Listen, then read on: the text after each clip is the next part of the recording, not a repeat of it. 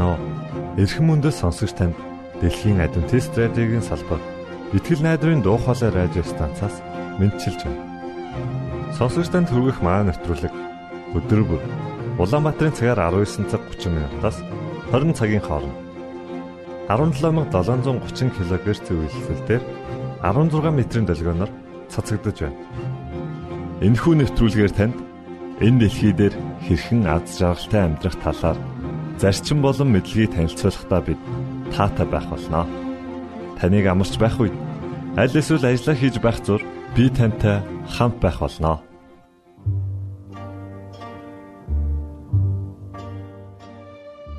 Өнөөдрийн хөтөлбөрөөр боловсрал нэвтрүүлгийн түүхэн хүмүүс цувралыг хүргэх болно.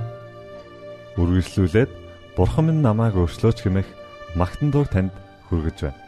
Харин үүний дараа Есүсийн амьдрал хэмээх номыг танд аудио хэлбэрээр хүргэж байгаа лээ.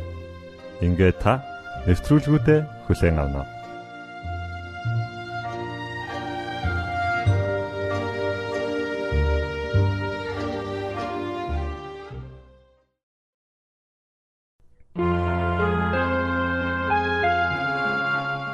Йоханнес Гүтэнбүрг хэвлэх машиныг нээгч. Яхнес Гүтенбүргийн тухай нарийн тодорхой мэдээлэл бос таамаг төдий зүйлүүд л байдаг. Түүний овгийг чухам хэн гэдэг байсан нь бас л тодорхойгүй бөгөөд төрсөн оныг нь 1400 гэж үздэгч зарим их сурвалжууд дээр 1410 гэж тэмдэглэгдэжээ. Эцэг эхийнхэн тухайд Испаниас Майнцад цагаачлан ирсэн католик шашинтай хүмүүс байв. Страсбургээс гаралтай 1434 оны үеийн би залуу Йохан Генслэш Гутенберг байна гэсэн бичиг олджээ. Гутенберг 1420 он хүртэл чухам юу хийж хаан байсан бас л тодорхойгүй. Ойролцоогоор 1429 онд тэдний гэр бүл Страсбург хотод нүүн ирж тэндээ 1444 оны хүртэл амьдарцгаасан байна. Тэнд байх хугацаанд Гүтенберг алтны дархан болсон бөгөөд 1448 онд Майнцад иргэн ирээд хэвлэх машин зохион бүтээхийн тулд өөрийн үеэлээс мөнгө зээлсэн гэдэг. Металлыг хүснээр өөрчилж чаддаг байсан тэрээр үсэг тусбарыг зэрэгцүүлэн өрж тавиад нэг ижил хуудас цаасыг их хэмжээгээр хэвлэх төхөөрөмжийг бүтээсэн. Ийхүү Гүтенберг ном төдийгүй зураг, хуанлыг хэвлэн гаргаж эхлэв. 1450 онд банкны эзэн Йохан Фустаар өөрийн шин төслөө санхүүжүүлэхээр болсон байна. Фуст Гутенбергтэй гэрээ байгуулсан нь Гутенбергийн хувьд ашигтай зүйл биш байв. Учир нь Фуст Гутенбергт 800 гүлдэнийг жилийн 6% хүүтэйгээр зээлж хэвлэх хэрэгслийг нь өөрийн болгосон юм. Хоёр хамтрагч ашиг орлогоо нэмэгдүүлэхийн тулд олон хувь зарагдаж болох ном хэвлэхээр шийдсэн нь латин хэл дээр орчуулагдсан Библи байсан бөгөөд уг Библийг хожим Гутенбергийн Библи хэмээн нэрийдэх болжээ. 1454 онд ном хэвлэх бэлтгэл ажил эд өрнөж байсан бөгөөд Фус дахин 800 мөнгөөр хэвлэх үйлдвэрлэлд хөрөнгө оруулав. Гэсэн ч харамсалтай нь тэдний хэвлсэн Библи төсөөлж байсан шиг нь тийм их ашгийг авчираагүй. Иймээс Фуст гэрээ ёсоор хэвлэх хэрэгслийг авч цаашид өөрийн нэрээр ном хэвлэх болжээ. Зорьсон ажил нь бүтлгүүтэж хөрөнгө мөнгөгүй болсон ч Гутенберг Германы хаан 2 дугаар Адольф фон Насаугийн ивэл багтаж 1468 оны хүртэл буюу насан эцэслээ түүний ордонд амьдарсан юм.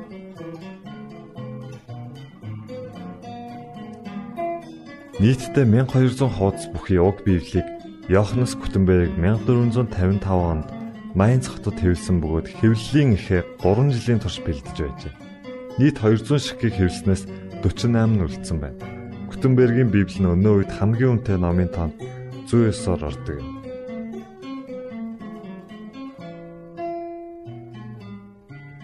Йоханнес Гутенбергийн түүхэн гавь. Түүний нээлтийг сэргэн мандалтын үеийн хамгийн чухал нээлт гэж үздэг байсан бөгөөд түүнээс өмнө гар бичмлэр болон модон барын аргаар ном хийдэг байв. Гэсэн ч энэ хоёр аргаар ном хэвлэх нь цаг хугацаа их шаардлагаас гадна өртөг өндөртэй байсан юм. Тиймдээс Гутенбергийн ачаар ном хэвлэнэ гэдэг асуудал биш болж улмаар олон нийтэд илүү хүртээмжтэй болж нийтээр бичиг үсэг сурахад тус төхөн болсон билээ. Ийхүү 15 дугаар зууны сүүлийн хагас гэхэд Европын олон оронд нийтдээ 250 гаруй хэвлэх үйлдвэр бий болсон байна.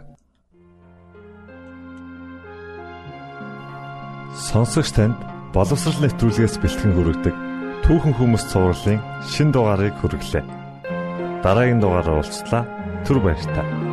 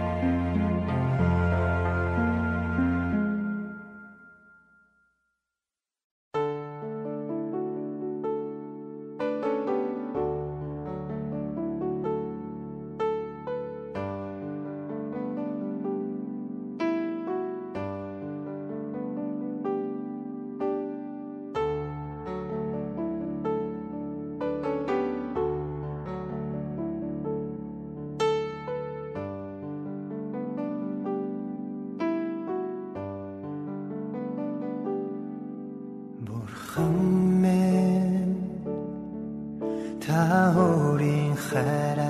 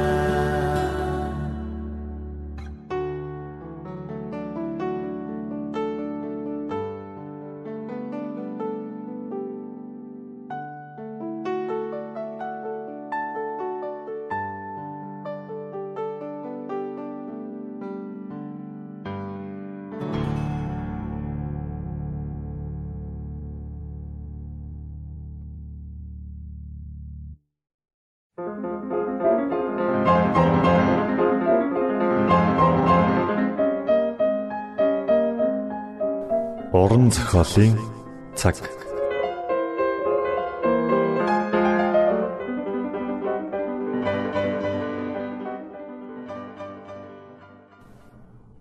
Есүс энэ дэлхийд ирсэн нь Галилийн уул толгодын дунд аших Назар хэмээх бяцхан суурьнд Йосеф Мари хоёр амьдран суудаг байв. Тэд Есүсийн дэлхийд ирэх эцэг нь болох болно. Йосеф бол Давид хааны удам. Тэр цагт Ромчууд ард иргэдээс татвар авах тушаал гаргахад Давидын хот болох Бэтлехэм рүү татвараа төлөхөөр Йосеф явах болжээ.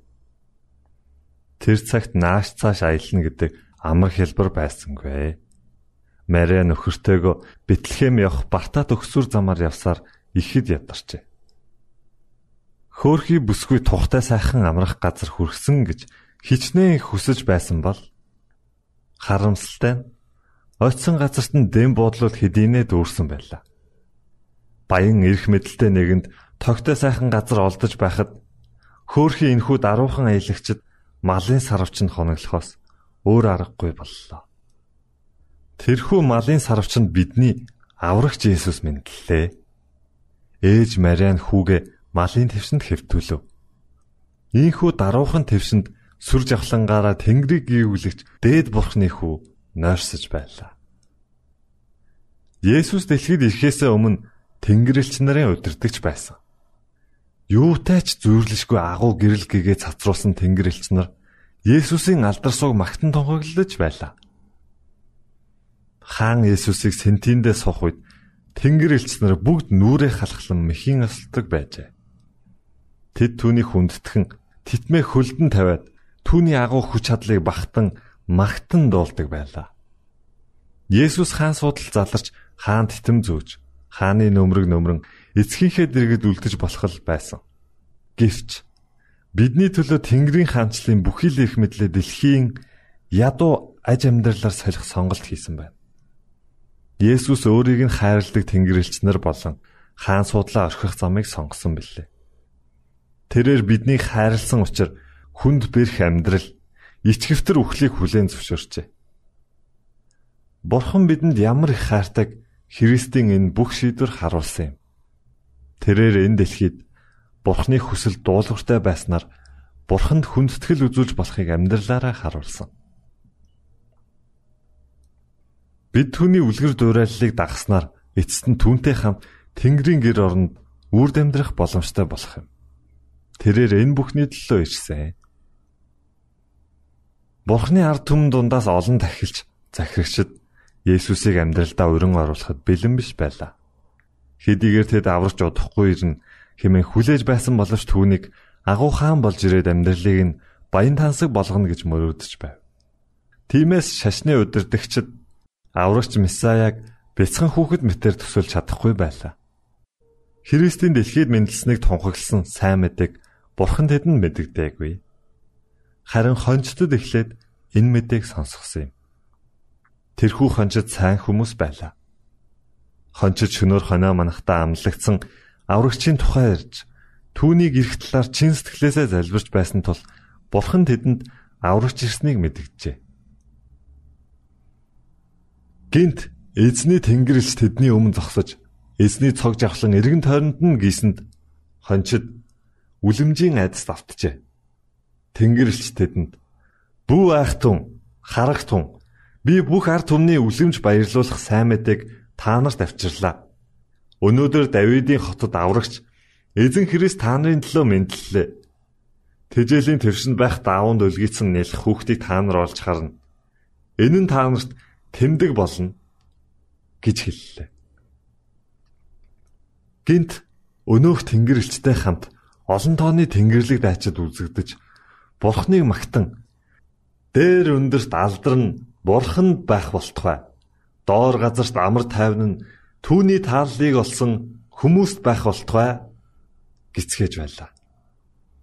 Тэнгэрлэгч нар тэднийг орхин тэнгэр өөд одсон хончид бие биедээ одоо шууд Бэтлехэм рүү очие. Эзний бидэнд мэдүүлсэн зүйл бүтснийг үздцгээе гисгэж байлаа. Тэд яаран ирж Мария, Йосеф болон Тэжээлийн твшин дотор хэвтэж буй хүүг олж очив. Тэд үүнийг хараад мөнөх хүүхдийн тухай сонссон үгээ мэдвэллээ. Хончдын ярьсан зүйл нь сонссон бүгдийн гайхлыг төрүүлжээ. Харин энэ үгийг Мария зүрхэндээ тунгаан бодож энэ бүхнийг нандинан хадгалсан юм. Йосеф Мария хоёр еврей үндэстэн тул ёс заншлаа дагах учиртай байлаа. Тэд Есүсийг 6-7 хоногтой болоход нь Иерусалимийн сүмд Бурхан даатгахаар авчирлаа. Энэ нь Бурханаас Израильчуудад өгсөн тушаалын дагуу үлддэг ёслол байв. Есүс хүүхэд байхасаа л аливаад хүндэтгэлтэй дуулууртай ханддаг байсан. Бурхны хүү Тэнгэрийн хаан хүү бидэнд дуулууртай байдлын үлгэр дуурайлыг заан сургаж байв. Аливаа гэр бүлээс зөвхөн ууган хүүл сүм даатгадаг байжээ. Энэхүү ёслол нь олон жилийн тэртет болсон үйл явдлыг сануулдаг гэж. Израилийн хүүхдүүд Египтэд боочлогдож байх үед эзэн бурхан Израильчуудыг чөлөөлүүлэхээр Мосег илгээсэн. Эзэн бурхан Мосед хэлэхдээ Тэгэхэд чи фараонд эзэн ингэж айлдаж байна. Израиль бол миний хүү, миний ууган хөвгүү. Тиймээс би чамд миний хүүг явуул. Тэр надад үйлчлэг гэсэн боловч Чи түүнийг явуулахаас татгалцсан. Үзэгтэн би чиний хүүг ууган хөвгүнийг чинь ална хэмээн хэл гэжээ. Энэ үгийг Мосе хаанд дамжуулсан.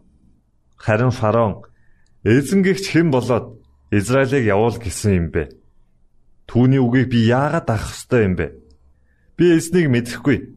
Израилийг ч явуулахгүй гэж хэлв. Ингээд эзэн бурхан Египтчүүдийн дээр аимшигт гамшиг илгээв. Хамгийн сүүлчийн буюу 10 дахь гамшиг айл бүрээс буюу эгэл ард хаад ноёдын жалгаагүй ууган хүүгийн амийг авах гамшиг байлаа.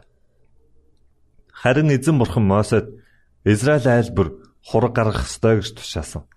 Израильчуудын төхөрсөн хургийнхаа цусыг гэрийнхээ хаалганы тотхондоо түрхэх ёстой байв. Энэ үйлдэл нь Израиль айлын дээгүр үхлийн элч өнгөрсөн ч хэнийг ч устсахгүй ба харин бардам ирэх бардам ихэмсэг Египт айлын дээрээс үхлийн сэтгэл буухыг бэлэгдсэн байв. Дээгүр өнгөрөх ёслолын энэ цус бол Христийн цусыг төлөөлж байгаа гэдгийг еврейчүүдэд сануулдаг юм. Цаг нь болохоор бурхан өөрийн цорын ганц хүүгээ тэр хураг адил өргөл болгон илгээхэд хүүд итгэгч хүн бүр мөнхийн үхлээс аврагдах болно. Библи Христийг бидний дээгүр өнгөрөх баярын хураг гэжээ. Итгэлээр бид түүний цусаар аврагдана. Ийхүү Израиль айл бүр эрт цагийн тэрхүү өхлийн гамшихаас үр хүүхдүүд нь аврагдсныг санан дурсаж ууган хүүгээс хүм даатгадаг болсон бөгөөд энэ нь хүм бүр мөнхийн үхэл гим нүглээс аврагдах боломжтойг бэлэгддэг ажээ. Сүмийн тахилч ууган хүүг гар дээрээ өргөн тахилын ширээний өмнө аваачдаг. Ийхүү ууган хөвгүүдийг бурхны өмнө даатгадаг байлаа. Тахилч хүүг эхтэн буцааж өгөөд хүүгийн нэрийг Израилийн ууган хөвгүүдийн нэрс бичсэн хуйлмал бичээс эсвэл номонд бичдэг байсан. Үүнтэй адил Христийн цусаар аврагдсан хүн бүрийн нэр амийн номонд бичигдэх болно. Та уран зохиолын цаг навтруулыг бүлээн авч сонслоо. Дараагийн дугаараар уулзтлаа. Түр баярлалаа.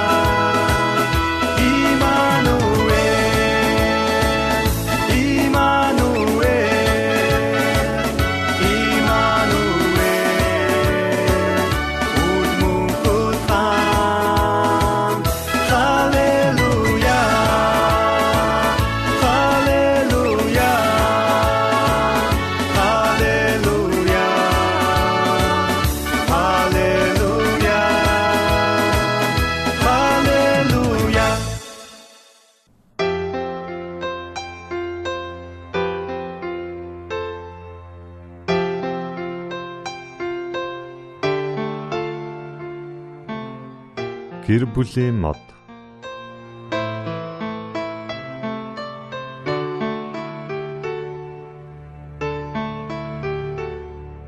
Дөнгөж гэрэлсэн шинхэн хосууд байжээ. Гэтэл тэд хамт амьдарсан эхний саруудаасаа л гэрлэлт гэдэг бол тэдний хүсч мөрөөдөж байсан шиг хэлбэр зүйл биш болохыг нь сайтар ойлгов. Тэд үнэндээ бие биенийгээ маш ихээр хайрладагч Сүүлийн өдрүүдэд бие биенийхээ жижиг алдаан дээрээс аар саад ялахгүй зүйлээс болж үгсөрөх нь цөөнгүй болцгоосон аж. Нэгэн орой хамтдаа суун ярилцаж энэ байдлаа цэг тавих хэрэгтэй гэдгийг ярив. Би биенээсээ салахыг огтхон ч хүсээгүй залуу хсууд ихэд бодлогошров.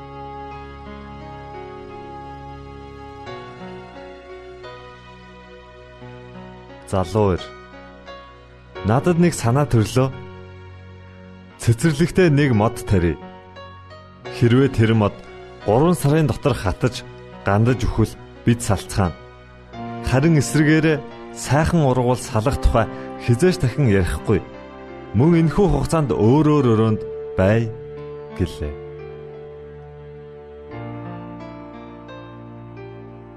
Залуугийн энэ санаа бүсгүйд ихэд таалагджээ. Маргааш өглөө нэртлэн босцоож жимсний мод худалдан авч цэцэрлэгтээ суулгав. Ингиж явсаар яг нэг сар өнгөрлөө. Нэгэн шөн залуу хсууд цэцэрлэгтээ таарлтхан тэр. Тэр хоёр хоёулаа устай хувин барин зогсож байв.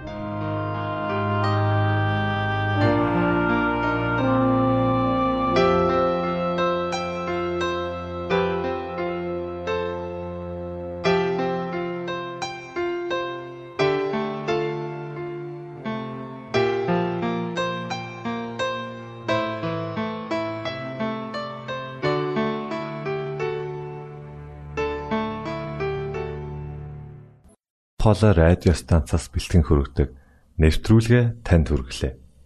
Хэрв та энэ өдрийн нэвтрүүлгийг сонсож амжаагүй. Аль эсвэл дахин сонсохыг хүсвэл бидэнтэй дараах хаягаар холбогдорой. Facebook хаяг: Латин үсгээр Монгол заавад AWR Имэйл хаяг mongol@gmail.com Манай утасны дугаар 976 7018 24 9 Шуудангийн хаяг 16 Улаанбаатар 13 Монгол улс Биднийг сонгон цаг зав аваад зориулсан танд баярлалаа. Бурхан таныг бивээх батугай